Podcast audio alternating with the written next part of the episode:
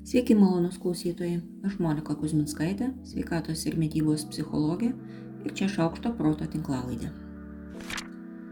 Steven Gundry - Energijos paradoksai. Šios knygos autorius atrodo mėgsta savo knygų pavadinimuose vartoti žodį paradoksai, bet tai tik menka detalė, kuri padeda kiek ilgiau pavartyti šią knygą. Tačiau jei jaučiate, kad kažkas ne taip, nuolat slegia nuovargis, nesvarbu, kiek ilsitės, polisis neįvyksta, o įsivaizduojamas vidinės baterijos lygis nuolat raudonas, perbrauktas šauktuku ir mirksi, vertėtų šią knygą ne tik pavartyti, bet ir atidžiai perskaityti. Energijos mes gauname tik todėl, kad valgome. Pačią energiją mums gamina mitochondrijos, bet jos, kaip ir bet koks mechanizmas, be degalų neveikia. Maistas ir yra tie degalai. Ir nėra čia jokio paradokso, yra tik netikslus mūsų įsivaizdavimas apie tai, kaip viskas turėtų veikti. Linkiu šį įsivaizdavimą pataisyti arba patikslinti skaitant šią knygą. Steven Gundry - Energijos paradoksai. Knyga su kavos podėliu ant viršelio. Maisto medžiagos arba ką gaminamės patys. Na, jau lyg išsiaiškinom, kad kalorijų neužtenka. Kūnui reikia maisto, gero ir tikro maisto. Tada kyla klausimas, kas yra tas maistas, koks jis yra geras ir kodėl mums jo reikia. Ką turim gauti iš išorės, o ką susikonstruojam patys. Ir tai yra iš tiesų visai netaip jau mažai.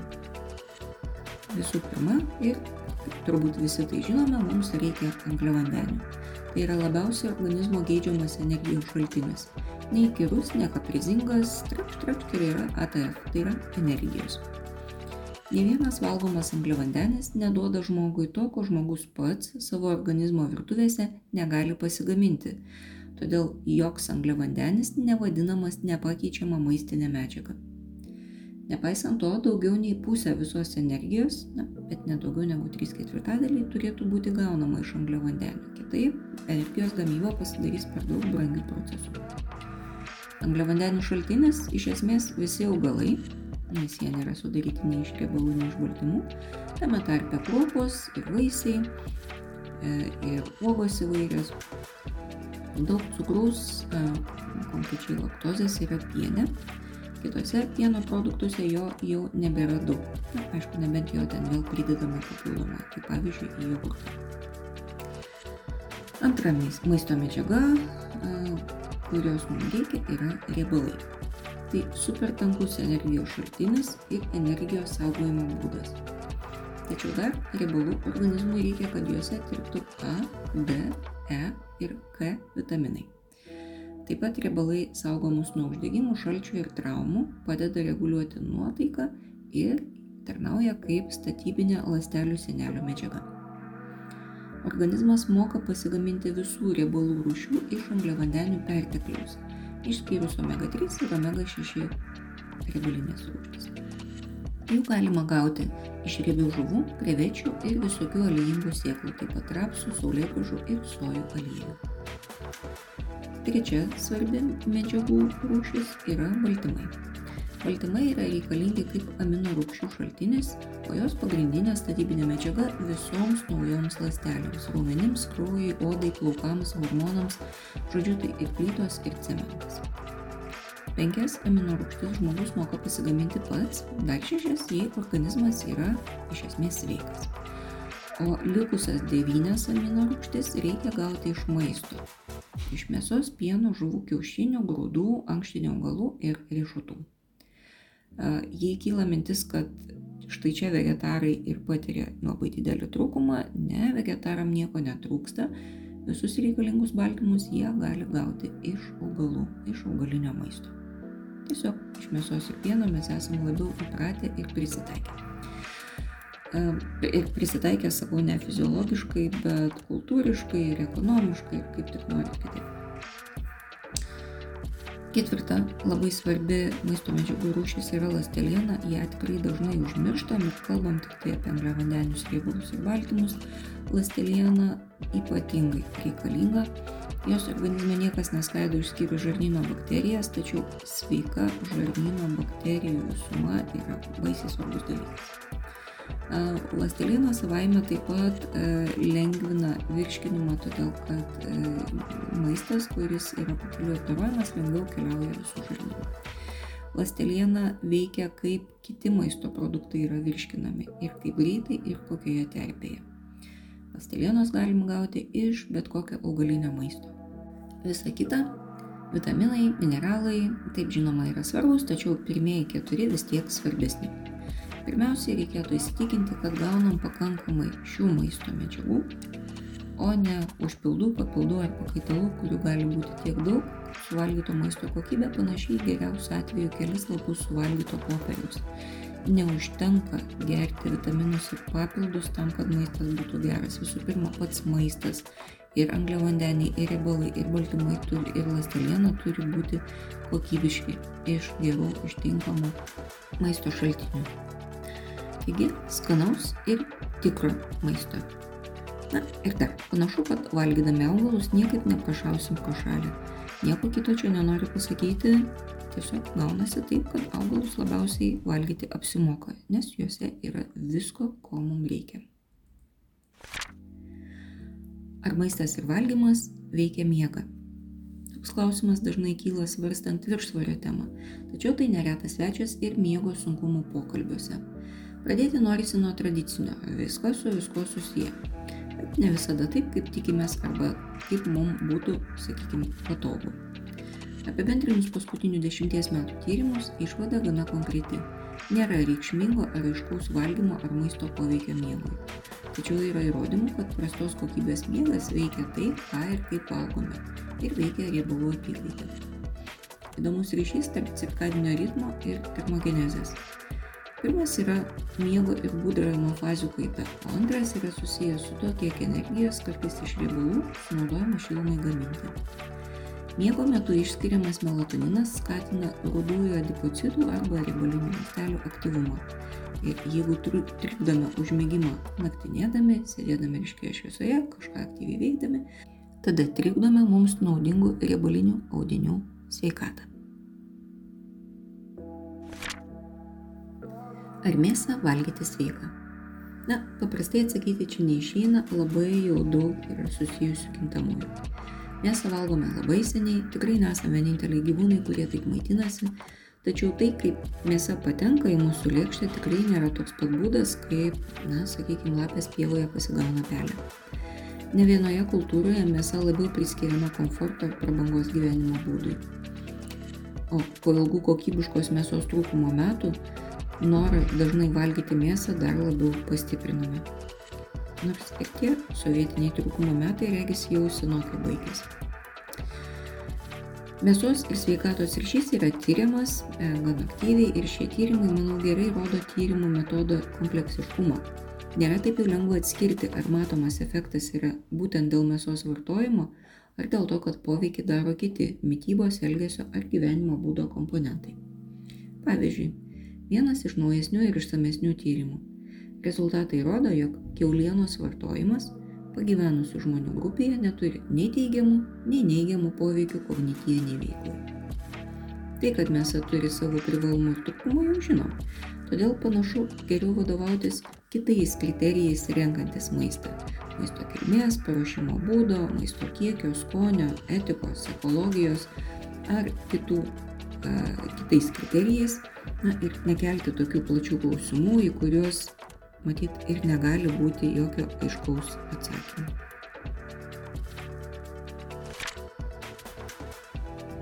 Sprendimas ar žindyti ir kiek ilgai žindyti aplanko kiekvienus tėvus. Na čia labai knėti priminti. Arba supažindinti, jeigu nežinojot. Čia yra vienas svarbus aspektas, apie kurį tikrai ne visada pagalvojame, o jį vertinti yra labai svarbu. Na, pirmiausiai sutarkim, kad bakterijos nėra vienareikšmiškai blogai. Daugybė kartu su mumis gyvenančių bakterijų yra mums labai naudingos ir reikalingos ir dalyvauja užtikrinant gerą sveikatą ir stiprų imunitetą. Na, o tada jau pažiūrėkime atidžiau į žindymą. Šio tyrimo rezultatai rodo, kad žindomų kūdikių burnos bakterinė aplinka, mikrobiota, yra reikšmingai kitokia negu mišiniais maitinamų vaikų. Reikšmingai kitokia ir sveikesnė. Mikrobiota gyvenimo metu keičiasi kelis kartus, jį gerokai pasikeičia kūdikiam pradėjus valgyti kietą maistą, taip pat dykstant pirmiesiams dantim, o taip pat vėliau dantims keičiantis į nuolatinius.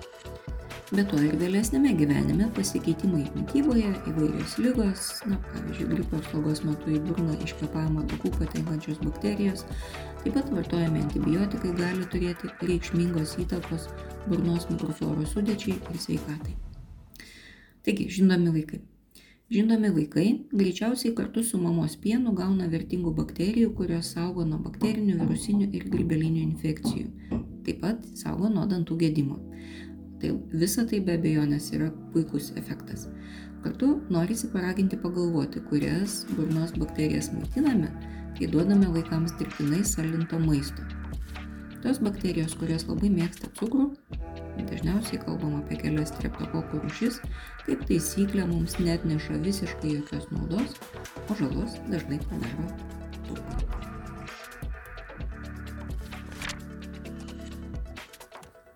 Vienas iš nostalgiškų prisiminimų, kurie mane šildo, yra muzikos klausimas iš plokštelių.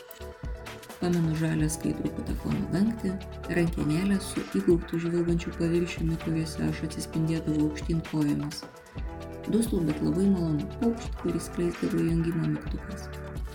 Tylus šnipštimas, kuris kleisdavo dar neprasidėjusi daina, man iki šiol kelia labai smagų šiurpą, panašiai kaip modemo susijungimas su internetu melodija lyg muzikos fėja tyliai pristatinėtų, kokį dabar išgirsim kūrinį. Man atrodo, kad garsas namuose būdavo kitoks, kad plokštelį klausydavo nuraminę visus kitus aplinkos garsus. Ir tikrai ne tada, kai reikėdavo fono, plaunant indus. Labai įsivaizduoju, kad mano durys į poeziją yra lygiai tokias kaip skilutė mažos baltojo nieko dainų plokštelės viduryje, nes daugiau vaikystėje jokių eilėraščių nepakestavo.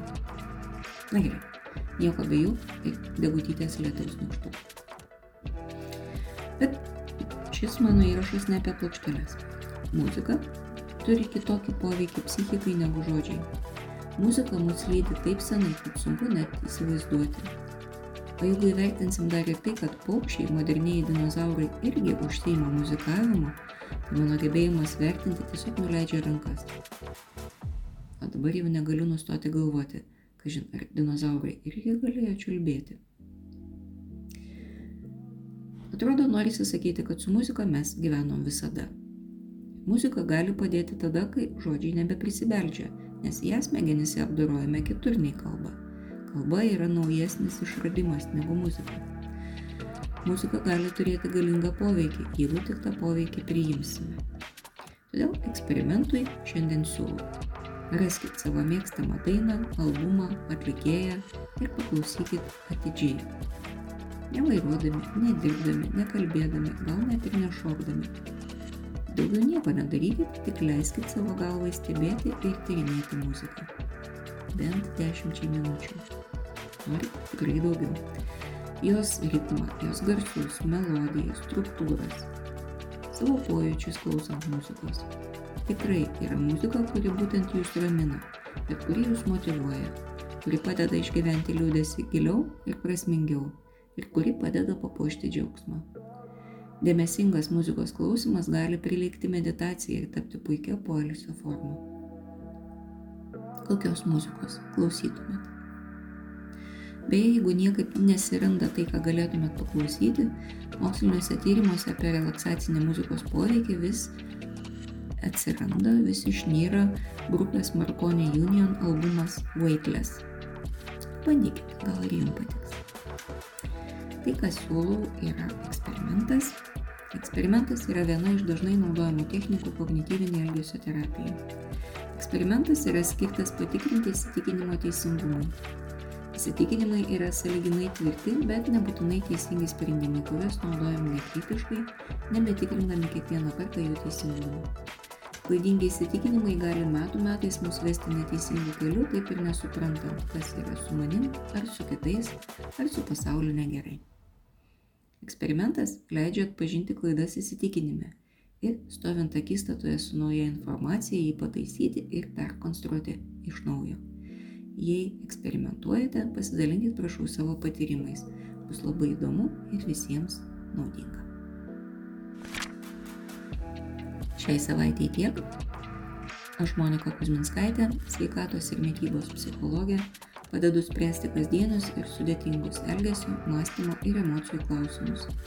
Rašau, skaitau paskaitas, teikiu psichologinės konsultacijas. Mane rasit socialiniuose tinkluose vardu Šauktas Proto arba gyvai Vilniuje Goštauto gatvėje. Rašykit man asmeninę žinutę socialiniuose tinkluose arba elektroniniu paštu adresu šaukštas.proto atgmail.com. Taikos ir ramybės.